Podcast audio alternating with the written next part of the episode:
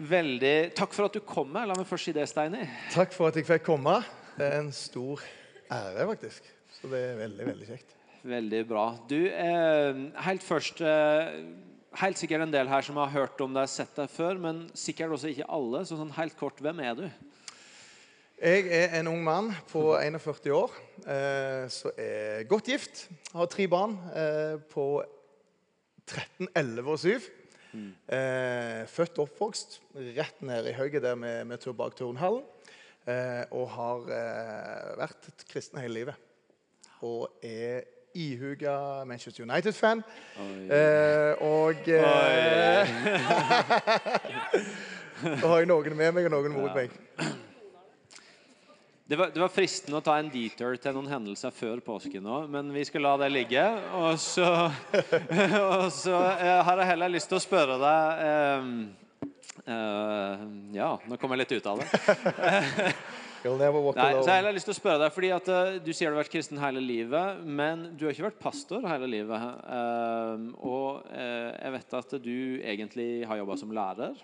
Eh, og lenge før du fikk lønn for å drive med kirke, så planta du menighet. Eh, og nå det siste siden i høst så vet jeg jo at du har fått gjøre det på fulltid. Kan du si litt om hvorfor du valgte å bryte opp fra det du egentlig jobba med, til å gjøre det du nå gjør?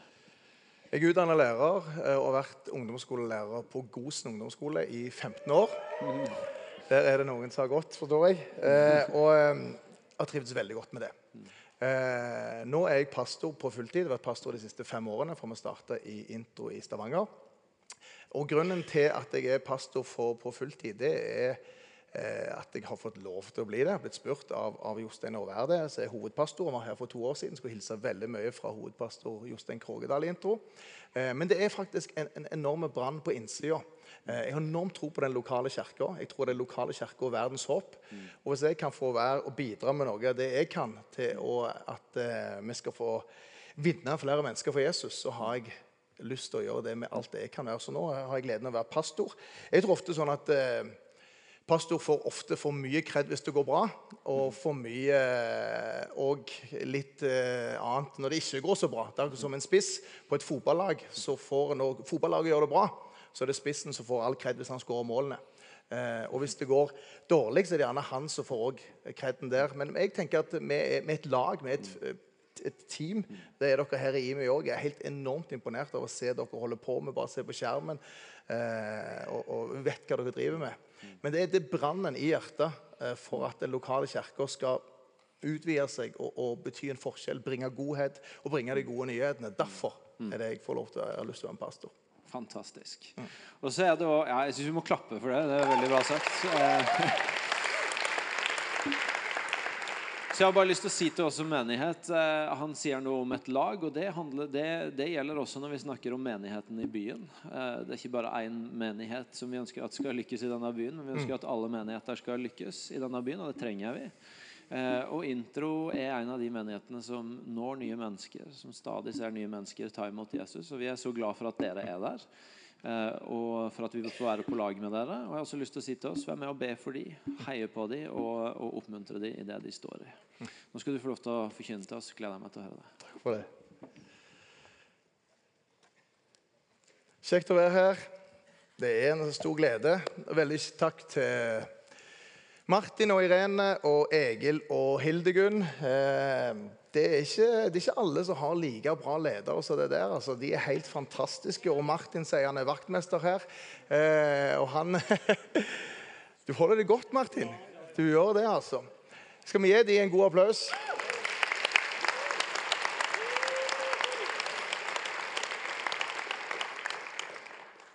Har gleda meg til å eh, dele et ord med deg i dag. Og jeg har bedt deg Gud om at det ordet skal treffe deg, oppmuntre deg og styrke deg i akkurat der du er i livet. Og jeg tror at Bibelen er levende og den er virksom, og den kan nå oss uansett hva omstendigheter, uansett hvordan dagen har vært, uansett hvordan påsken har vært, uansett hvordan livet har vært med deg, så tror jeg ordet vi skal dele i dag, skal tale til oss og oppmuntre oss og styrke oss i det som ligger foran oss. Påske er digg. Jeg det har vært en fin tid egentlig når du liker smågodt, når du liker Kvikk Lunsj, når du liker appelsiner. Når det har vært så ekstremt billig sånn som det har vært. Med priskrig 2,50 for både smågodt og 2,50 for eh, appelsiner. Eh, men påsken er jo så mye, mye, mye mer enn det. Påsken er en enorm kjærlighet utøst på et kors. Kors er lik kjærlighet. Men jeg er som Ole Brumm. Ja takk, begge deler. Gi meg gjerne en Kvikk Lunsj, gi meg gjerne litt smågodt appelsin. Men først og fremst, gi meg Jesus Kristus. Jeg tror at Gud har vil at vi skal nyte livet. Samtidig som han har en mening for oss til å ha fellesskap med han, men òg til å bety en forskjell for andre mennesker. Vi skal lese Bibelen sammen i Johannes kapittel 20. Hvis du ikke har Bibelen med, så tror jeg òg at versene skal komme opp på, eh, på, skjermen. Og jeg har forstått det sånn at dere er Johannes evangelium eh, i, for tiden i meg. Og vi skal lese i Johannes kapittel 20 og vers 19 31. Historisk så er vi nå på første påskedag. Vi er på oppstandelsesdagen, og vi er på kveldstid. Hvis vi sett tilbake, så er det i går, første påskedag, på kvelden. Og Da leser vi sammen i eh, kapittel 20 og vers 19. Det var om kvelden samme dag, den første dagen i uken. Av frykt for jødene så hadde disiplene stengt dørene der de var samlet. Da kom Jesus, og han sto midt iblant dem og sa, 'Fred være med dere.' Og da han hadde sagt det, viste han dem sine hender og sin side. Disiplene ble glade da de så Herren. Igjen sa Jesus til dem, 'Fred være med dere.' Som Far har sendt meg, sender jeg dere. Så åndet han på dem og sa, 'Ta imot Den hellige ånd.' Dersom dere tilgir noen syndene deres, da er de tilgitt. Dersom dere fastholder syndene for noen, er de fastholdt. Thomas, en av de tolv, han som ble kalt Tvillingen, var ikke sammen med de andre disiplene da Jesus kom. 'Vi har sett Herren', sa de til ham. Men han sa, 'Dersom jeg ikke får se naglemerkene i hendene hans' 'og får legge fingeren i dem og stikke hånden i siden hans, kan jeg ikke tro.' Åtte dager senere var disiplene igjen samlet, og Thomas var sammen med dem. Da kom Jesus mens dørene var lukket. Han sto midt iblant dem og sa, 'Fred være med dere. Så sier han til Thomas, 'Kom med fingeren din. Se, her er hendene mine.' 'Kom med hånden og stikk den i siden min, og vær ikke vantro, men troende.' 'Min Herre og min Gud', sa Thomas. Jesus sier til dem, 'Fordi du har sett meg, tror du.' Salig er de som ikke ser og likevel tror. Jesus gjorde også mange andre tegn for øynene på disiplene, tegn som det ikke er skrevet om i denne boken. Men disse er skrevet ned for at dere skal tro at Jesus er Messias, Guds sønn, og for at dere ved troen skal ha liv i hans navn. Amen. Kjære far, jeg har lyst til å bare takke deg for det ordet vi har lest. Jeg takker deg her for at Bibelen sier at ditt ord er levende og det er virksomt i oss og tror, Herre. Jeg takker deg for at jeg kan tale til hver enkelt her inne i dag. Jeg ber om at du skal hjelpe meg til å formidle det på en måte så folk skjønner og folk forstår, Herre. Så takker jeg òg for denne fantastiske bra menigheten her og alt det du gjør her. Jeg har lyst til å velsigne dem. Takker deg for lederskap og takker deg for hver enkelt som kaller dette et hjem her. Og hver enkelt som òg har kommet inn her i dag, kanskje ved en tilfeldighet, kanskje blitt invitert. Takker deg, Gud, for at du har en god plan for hver enkelt, Herre. Takker deg òg for Oilers akkurat spiller kamp akkurat nå. Og jeg ber her om at eh, vi skal knuse Storhamar og ta gullet hjem igjen. Amen. Amen. Går det an å be om sånt? Ja, selvfølgelig. Selvfølgelig. Tror du Gud hører? Ja. Tror du Gud svarer på det? Ja. Jeg vet ikke.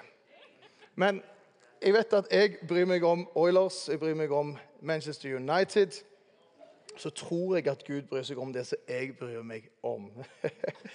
Nydelig. Ok. Dette er oppstandelsesdagen. Vi befinner oss på kvelden. Vi møter disiplene som er desillusjonerte. Det de har satsa på, han er død.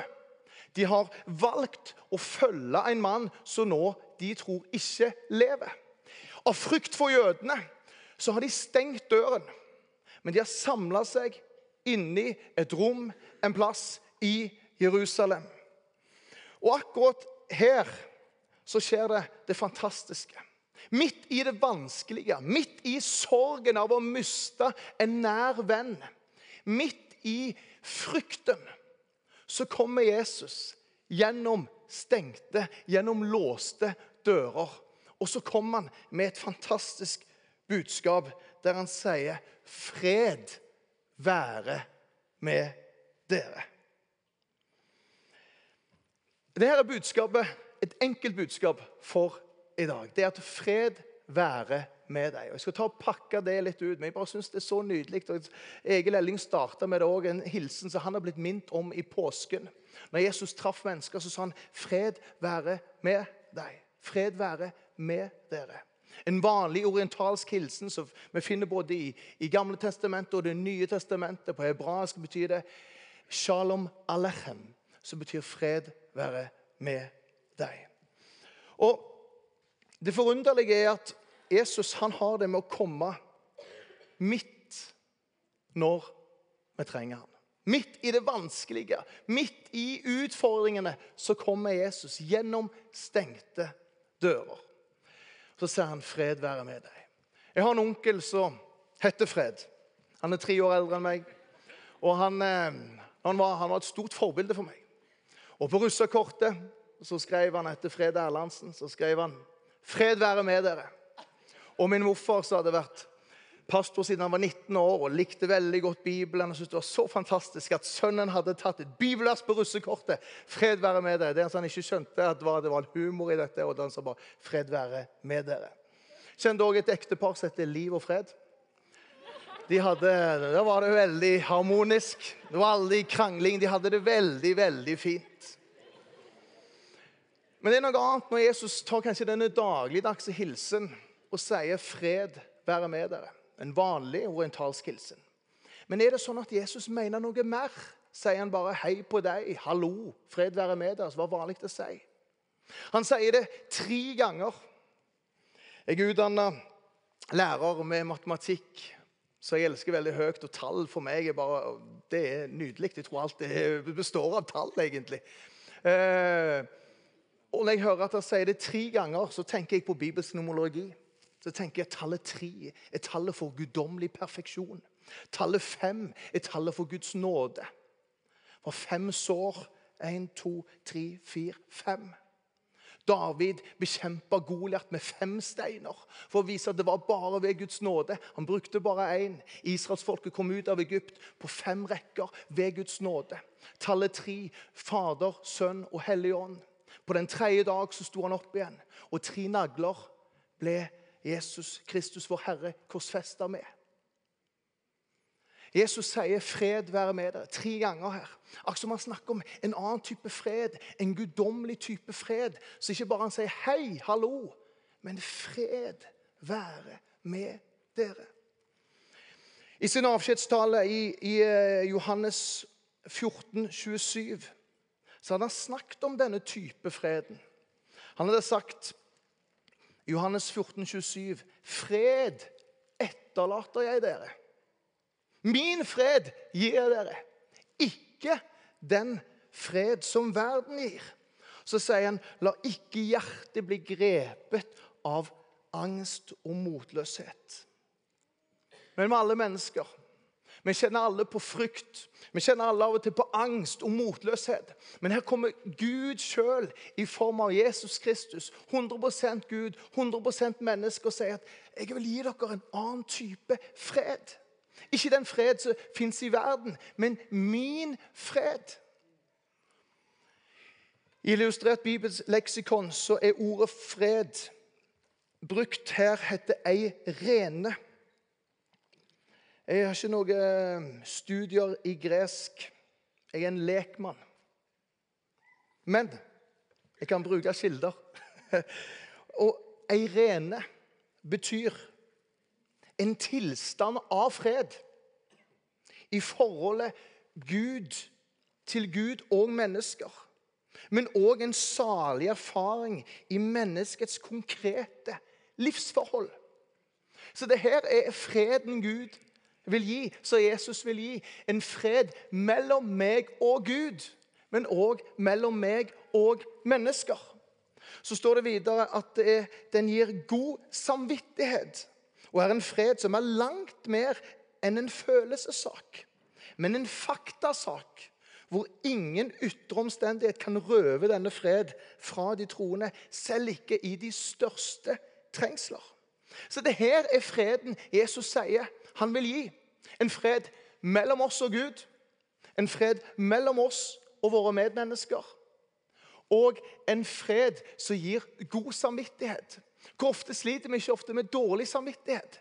Men den freden Jesus har lyst å gi oss, den vil gi oss god samvittighet. Vil ta, ta vekk den dårlige samvittigheten og erstatte den med god samvittighet. Og det fins ingenting ingen omstendigheter, ingen problemer som kan røve denne freden, står det. Thomas er sentral i denne bibelteksten. Thomas blir kalt av de andre, og det står 'han de kalte for tvillingen'.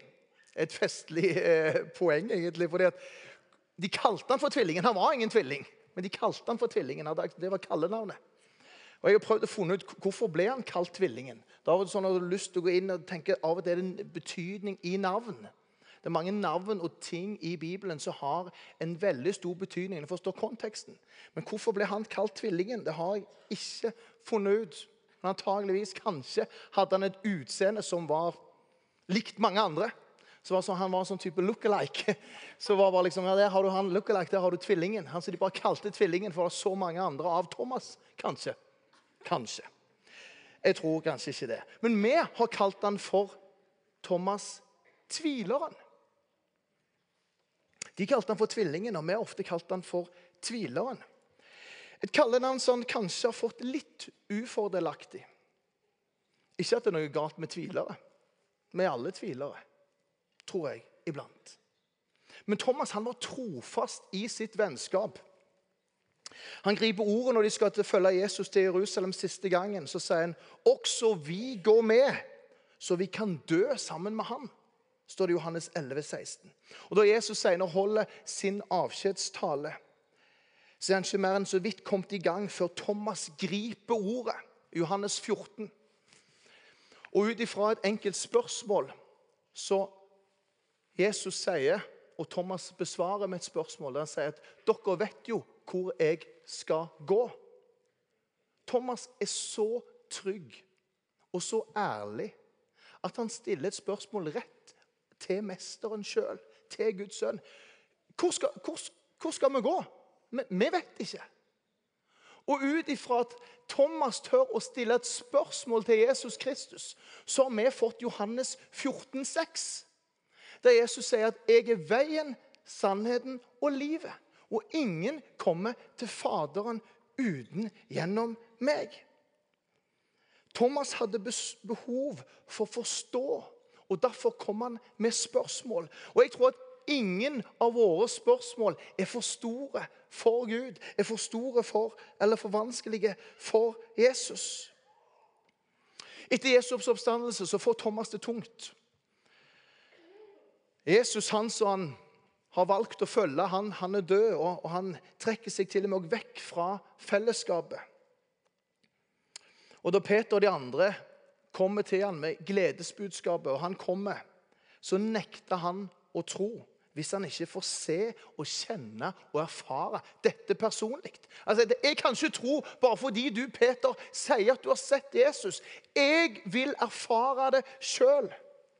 Og han sier, 'Dersom ikke jeg får se naglemerkene i hendene hans' 'og får legge fingeren i de og stikke hånden inn i siden hans, så kan ikke jeg tro.' Og det her er dette med Thomas som jeg setter pris på, og som jeg har lyst til å lære. Han har lyst sjøl å erfare. Han spør for å få svar. Og Thomas ble nok overraska når Jesus står der plutselig lys levende. Den største overraskelsen var kanskje for Thomas at Jesus har hørt absolutt alt han har sagt. For bak lukkede dører. For når Jesus kommer den tredje gangen, så sier han 'Fred være med deg'. Og så sier han til Thomas rett etterpå 'Kom med fingeren din'. Og se her er hendene mine. Kom med hånden din og stikk den, stikk den i siden min, og vær ikke vantro, men troende. Thomas, nei, Jesus vil gi Thomas av sin fred. Sin personlige fred. Og midt i sin sorg så får Thomas oppleve denne freden personlig. Og Thomas blir totalt forandra i sin overbevisning og sier 'Min Herre, min Gud'. Ikke bare Peters Gud, ikke bare han som har sett det. Nå sier han 'Min Herre, min Gud'. Og vi vet at Thomas ble en av de mest ihuga apostlene som tok evangeliet til India. Hans tro var en prosess der han stilte spørsmålene. Der han ikke alltid tok altfor god fisk. Til og med som ble sagt her oppe, kanskje. Han ville erfare det sjøl. Og han stilte mesteren spørsmål. Og ut ifra det har vi fått Johannes 14, 14,6, der Jesus sier at 'jeg er veien, sannheten og livet' på grunn av Thomas. Thomas spørreren. En kan gjerne kalle han òg Thomas tvileren. Men han var den som stilte spørsmål. Kom an, ja. Jeg skal komme an. Jeg skal fortsette. Så bra. Takk for det. Veldig, veldig bra. Like feedback, så det er veldig, veldig fint. Det tok tid for Thomas, men han kom fram til en overbevist tro. En tro som varte helt fram til døden. Han erfarte Jesu fred personlig. To ting jeg har lyst til å si om fred. Det er alltid en pris å betale for fred. Det er alltid en pris å betale. Ingen fred er gratis. Grusomme ting har en høy pris for fred. Dessverre ting, dess høyere pris. Første verdenskrig. Det ble underskrevet en fredsavtale den 11. november 1918. Den 11. november er for øvrig en liten parentes min bryllupsdag. Så jeg gifta meg og tenkte at nå blir det gode tider. Vel ikke i 1918, så gammel jeg ikke. Jeg gifta meg i år 2000, den 11. i 11. En enkel dag så det skulle enkelt for en enkel mann å huske på bryllupsdagen sin. 11.11.2000.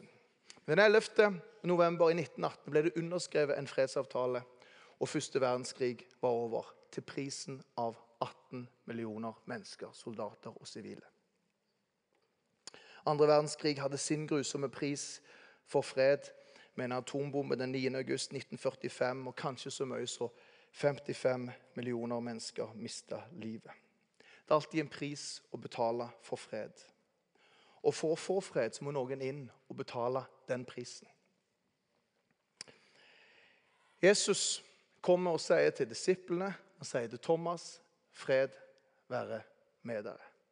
Umiddelbart rett etter han har sagt dette, så viser han òg at han har betalt prisen for denne freden. Og han viser dem sine naglemerkede hender og sier 'Jeg har betalt prisen for din fred'. Min fred gir jeg dere. Det er alltid en pris å betale for fred, og han viser prisen han betalte. Vi må slutte å betale for det som allerede er betalt. Tenk deg at jeg hadde vært på Rema 1000. Vi er av de folka som handler på Rema 1000, for der har vi funnet ut at der er det billigst. Glory, halleluja på den. Det var herlig. Og vi, eh, når vi står i Rema 1000 Og en sjelden, sjelden gang så er meg og kona mi heter Sunne Rebekka og handler samtidig. Det skjer veldig sjelden. Enten er det hun som gjør det, eller så er det jeg som gjør det. Men en veldig veldig sjelden gang så handler vi begge to. Og Hvis det da skulle være tilfellet, at vi har handla de varene vi trenger, og jeg har betalt som vanlig eh, for det vi har kjøpt, og trukket kortet, og tatt varene, og min kone Sunne Rebekka kommer etterpå og skal betale for noe som allerede er betalt. Kassadamen på Rema 1000 eller kassamannen på Rema 1000 har sagt han foran deg, han sjekker høye med det nydelige skjegget. Han har allerede betalt. sånn som han pleier å gjøre. By the way, jeg følte meg skikkelig hjemme her av mange grunner. Det var godt å tilbe sammen med dere, det var godt å synge til Jesus sammen og bare kjenne varmen i fellesskapet. Bli sett og hilst på av Martin, Irene og Egil og så mange andre her. Men når jeg så den eh, musikerrekka her med den skjeggpryden der, da kjente jeg at hei, her kunne jeg virkelig følt meg hjemme. For Så dere den skjeggpryden på de musikerne der? Det var nydelig, skal jeg si. Så her er jeg hjemme. Men vi må slutte å betale for det som allerede er betalt. Og Jesus Kristus har betalt. Det er alltid en pris å betale for fred. Men Jesus har betalt den én gang for alle. Og Det er det her han prøver å vise til sine disipler og vise til Thomas. Fred være med dere. Så viser han dem prisen han betalte. Den høyeste prisen som noen gang er betalt i dette universet. Som aldri kan overgås. Prisen av Guds sønn for min og din fred. Fred med Gud. Fred med våre medmennesker og fri fra dårlig samvittighet. Jeg vokste opp rett nede i høyet her, og jeg hadde en jobb der jeg var, til jeg var 14 til jeg var 18 år. Og Da het det Matpyramiden. Så gikk det konkurs etter jeg slutta. Og så, eh, så er det andre butikker som har overtatt det. Nå tror jeg det er Kiwi. Men på den tiden der, så gammel er jeg, så hadde vi ikke sånn skanningskoder. Vi hadde en prismaskin. Og jeg hadde den gleden av å prise en gang en, en palle med tørre, grønne erter til tilbud 2,90. Og Jeg hadde gjort hele den, og så kom sjefen. Han heter Rudolf. Så kom han og sa at det skulle være 2,95. Og jeg måtte ta hele pallen med grønne erter på ny og prøve å treffe akkurat det jeg hadde truffet, så de ikke kunne se at det var et gammelt klister under. For det var tilbud 2,95 på grønne erter. Men om jeg skulle tatt den, den maskinen jeg skulle hatt, hatt et bilde av den, ikke sikkert eh, alle som vet det like gamle som meg, som vet hvordan en sånn maskin ser ut. Men om jeg skulle tatt den maskinen og satt en pris på deg, hva ville din verdi vært? En million? En milliard? Tusen milliarder? Jeg har tatt den fram hadde trykt inn noe hvis ikke gikk an å trykke inn, jeg trykte inn bokstaver, så hadde jeg skrevet 'Jesus Kristus'. Hadde jeg trykt han ut, hadde jeg tatt han på pannen din. Det er din verdi. Jesus Kristus. Og det er den verdien han betalte for min og din fred. Og det er den verdien du er verd. Og Derfor kan vi se på oss som verdifulle. Vi kan se på våre medmennesker som verdifulle. For et eneste menneske i denne byen, i dette landet, i denne verden, har den samme verdien. Jesus Kristus. Det er alltid en pris å betale for fred. Vi trenger fysisk hvile. Det er fakta. Men vi trenger òg åndelig hvile. Og det er det Jesus kaller fred. En fred som overgår all forstand. I Filippene 4,7 så står det Guds fred som overgår all forstand, skal bevare deres hjerter og tanker i Kristus Jesus. Jesu fred gir hvile for egne prestasjoner. Jesu fred gir hvile for egne gjerninger. Alltid en pris å betale, men prisen er betalt. Det andre og det siste, og musikerne kan komme opp skal vi spille litt. Det er at fred er ikke fravær av problemer, men nærvær av Jesus. Fred er ikke fravær av problemer, men et nærvær av Jesus. Jesus sier selv i Johannes 16, 33, Dette har jeg sagt dere, for at dere skal ha fred i meg. I verden har dere trengsler, problemer, utfordringer. Men vær frimodige, for jeg har seiret over verden. Dette har jeg sagt for at det skal fred i meg. I verden har dere trengsler, men vær frimodige. Jeg har seiret over verden. Gud har aldri lovt oss et problemfritt liv. Jeg har ikke et problemfritt liv. For fem år siden så var kona mi på vei på sin tredje nattevakt. Hun likte ikke godt nattevaktene. Utdanna jordmor. Drømte om det siden hun var fem år. Forstår ikke jeg hvordan en femåring kan tenke at du blir drømt å være jordmor. Men hun gjorde det. Hun tok sin utdannelse, var på vei på universitetssykehuset for å ta sin tredje vakt, nattevakt. Nattevakt var tøffe for henne. Det passet ikke henne og hennes kropp. Hun går ut, har sovet litt før. Klokka er rundt om ni, kvart over ni på kvelden. Hun detter ned trappa. Og hun eh, får en hjerneskade som gjør at korttidsminnet fungerer ikke. Og hun eh, klarer ikke, har vært det fem år siden og har blitt uføretrygda. Og det har påvirka oss og påvirka familien på forskjellige måter. Men i dette hele, i dette vanskelige, så både hun og jeg erfart Guds fred. Og eh, av og til kan jeg spørre hvor var Jesus da? Hvor var Gud da? Jeg vet ikke. Kona mi sier at Gud var med henne. Min, min mellomste sønn hørte bråket, ble vekt opp av seng og sprang opp og så mora ligge der. Jeg kom rett inn døra to minutter etter dette, for hun skulle ha bilen og skulle inn på sykehuset. Og Han sier jeg tror mamma er død. Springer ned igjen. Heldigvis hun kom til opp igjen og våkna til. Jeg sier dette her for at livet er ikke alltid lett. Men Jesus har lovt å være med oss. Det er min erfaring, det er det Bibelen sier. At han har lovt å være med oss i de vanskelige dagene og de gode dagene. Bibelen sier til og med, til og med om vi går gjennom dødsskyggens dal, så har han lovt å være med oss. Fred er ikke et fravær av problemer, men et nærvær av Jesus. Kona mi har det bedre med Gud enn vi noen gang har hatt. Jeg vil påstå at vi òg har det bedre i ekteskap enn vi noen gang har etter 15 år. Ikke et perfekt ekteskap.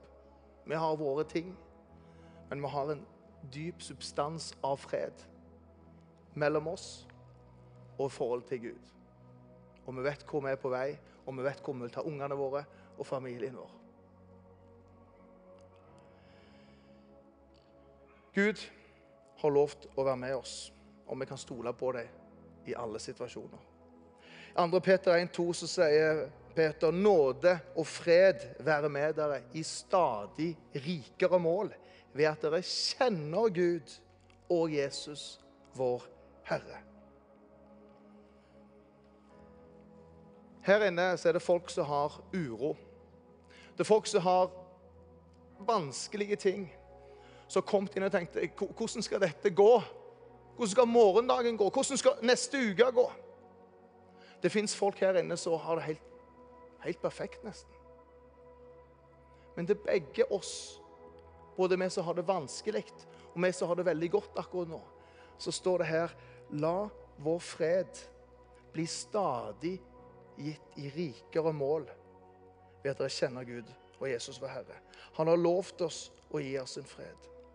Jeg tror vi skal være som Thomas, ærlige om livet. Tørre å stille spørsmål til Jesus. Han tåler det. Jeg tror vi skal være som Thomas, som finner styrken i fellesskapet. Jeg er så glad for Thomas han kom tilbake til fellesskapet. Og i fellesskapet så møtte han Jesus igjen og fikk oppleve hans fred. Han var kanskje ikke akkurat der. Han hadde det tøft og vanskelig. og Han holdt seg vekke fra fellesskapet en stund. Jeg tror på fellesskap. Jeg tror på fellesskap i denne kirka her og i den kirka jeg har, at vi kan komme akkurat sånn som vi er. Uten noen masker. I våre gode dager og i våre dårlige dager. Å være sånn som Thomas når han kom tilbake, tungt og vanskelig, så kommer han der og sier OK, jeg hører dere sier det, men jeg vil erfare det sjøl. Jesus tar han på ordet. Jesus hører alltid oss, selv gjennom stengte dører. Og det første han sier, 'Fred være med dere'. Thomas, kom her. Jeg vil at du òg skal erfare min fred.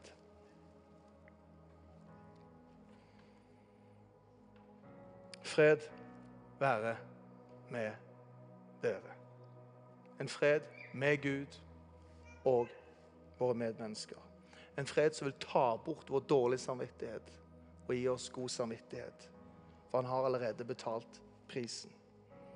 En fred som verken problemer eller utfordringer eller noe annet kan røve ifra oss. Denne her vil Jesus gi oss. Skal vi reise oss opp på våre bein?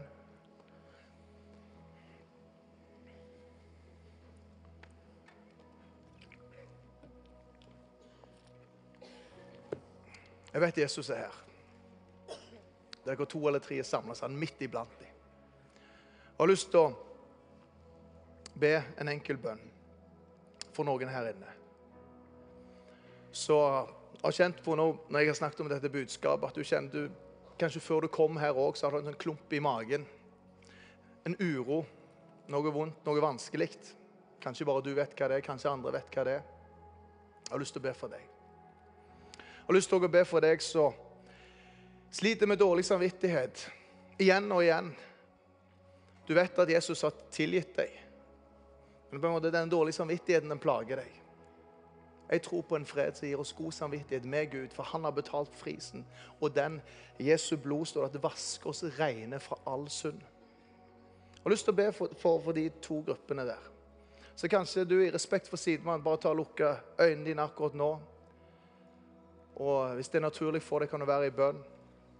Så jeg har lyst til å bare be en enkel bønn, men jeg har lyst til å vite hvem jeg ber med akkurat nå. Du som kjenner på dårlig samvittighet, du som kjenner på en uro. Det jeg har lyst til å spesielt be for. Kan du rekke opp din hånd akkurat nå?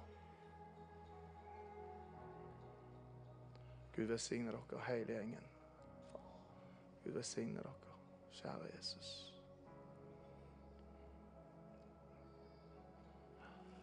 Kjære Jesus, bare takker deg her for det du har satt, sagt i ditt ord, Herre. At du vil gi oss av din fred. Ikke den freden som verden gir, men av din fred, Herre Jesus.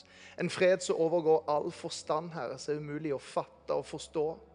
Den freden ber jeg til mine brødre og søstre og mine venner, Herre, som har rekt opp en hånd til deg, Herre.